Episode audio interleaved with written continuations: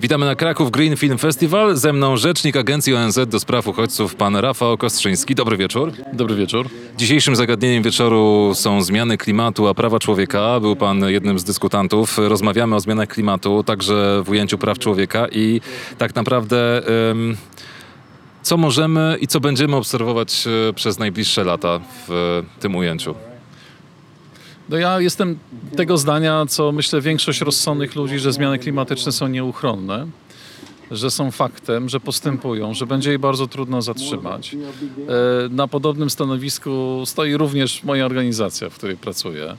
E, W związku z tym to będzie miało swoje określone skutki, czyli wraz z, oc- z ocieplaniem czy z przegrzewaniem klimatu będą e, zanikały podstawowe takie surowce naturalne, jak chociażby woda.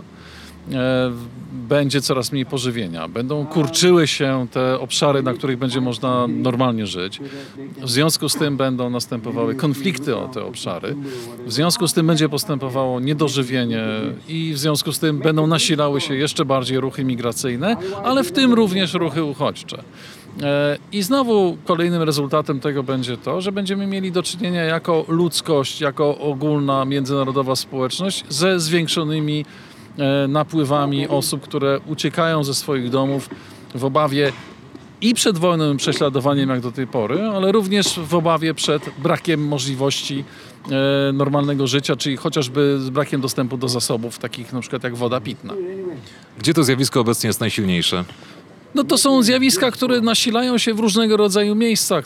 E, To jest, oczywiście jest to Afryka, ale również jest to Azja, również zaczyna to być również Europa, e, która, która pustynnieje. Chociażby to, to jest truizm już powtarzany wielokrotnie, że w Polsce zasoby wody, e, wód gruntowych są mniej więcej takie jak w, jak w Egipcie, no, czyli mizerne i, i zdecydowanie kurczące się. Więc, y, no i, a poza tym jeszcze nie tylko pustynnieje ziemia, ale również są miejsca, gdzie są wręcz katastrofalne powodzie, czyli jest zupełnie odwrotna sytuacja. W każdym razie jakby klimat Ziemi em, tak się bardzo rozchwiał, że można albo utonąć w powodzi, albo umrzeć z pragnienia, mówiąc już tak najbardziej e, obrazowo. No i oczywiście najbardziej dotknięta jest e, Afryka, ale ale znowu wraz na przykład z wycinką lasów e, czy dżungli w Ameryce Południowej, e, tam również e, są duże zmiany klimatyczne i tam również jest taka sytuacja, która zapewne za kilka lat będzie powodowała właśnie masową migrację ludności właśnie z powodów klimatycznych. Skupiając się na Polsce, jakby chciałbym dobrze zrozumieć, mówimy tutaj o jakimś dużym, ale jednak ograniczonym ekosystemie. Co możemy zrobić, by powstrzymać tego typu zjawiska? Czy da się sformułować jakieś konkretne rozwiązania, które mogą powstrzymać pustynnienie lub y, no, tak naprawdę zażegnać kryzys wodny w Polsce?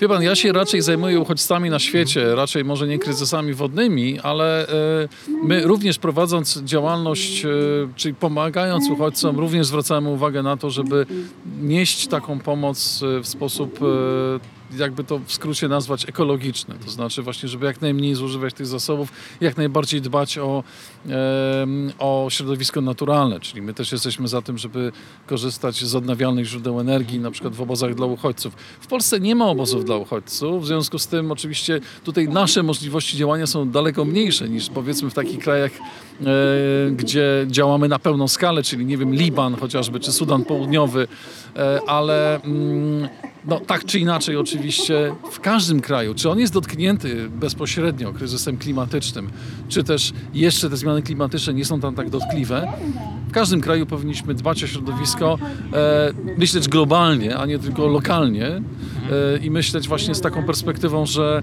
e, również w krajach, w którym nie brakuje wody pitnej, należy oszczędzać tę wodę pitną właśnie po to, żeby jak najbardziej, e, jak, naj, jak najbardziej opóźnić e, zużywanie tych zasobów.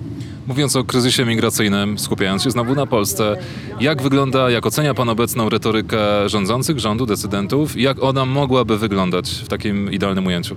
W idealnym ujęciu ona mogła wyglądać tak, jak, jak to jest zapisane w prawie y, Unii Europejskiej, czyli w traktacie o funkcjonowaniu Unii Europejskiej, tak? gdzie jest mowa o relokacji, jest mowa, są wprost odniesienia do konwencji genewskiej z 1951 roku dotyczącej właśnie statusu uchodźców.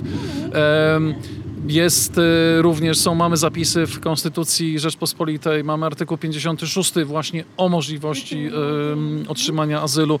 Mamy również ustawę o, o udzielaniu cudzoziemcom ochrony na terytorium RP. Przepisy są, można je tylko, znaczy należałoby tylko je y, stosować. Y, My jesteśmy oczywiście w każdym go, momencie gotowi do tego, żeby wspierać polskie władze w stosowaniu, y, w stosowaniu się do tego prawa i oczywiście jesteśmy skłonni wspierać już w bardziej takim regionalnym ujęciu e, wszystkie państwa Unii Europejskiej, bo, nie, bo e, ten, to jest wewnątrzunijny problem. To nie jest tylko problem Polski, tylko to jest problem wielu innych krajów Unii Europejskiej, które e, jakby nie wykazują się takim solidaryzmem, jakim, jakim powinny się wykazywać, zostawiając na przykład na pastwę losu takie osoby, które docierają na przykład do Grecji czy do Włoch, czy do Hiszpanii, które nie mają dostępu do procedur.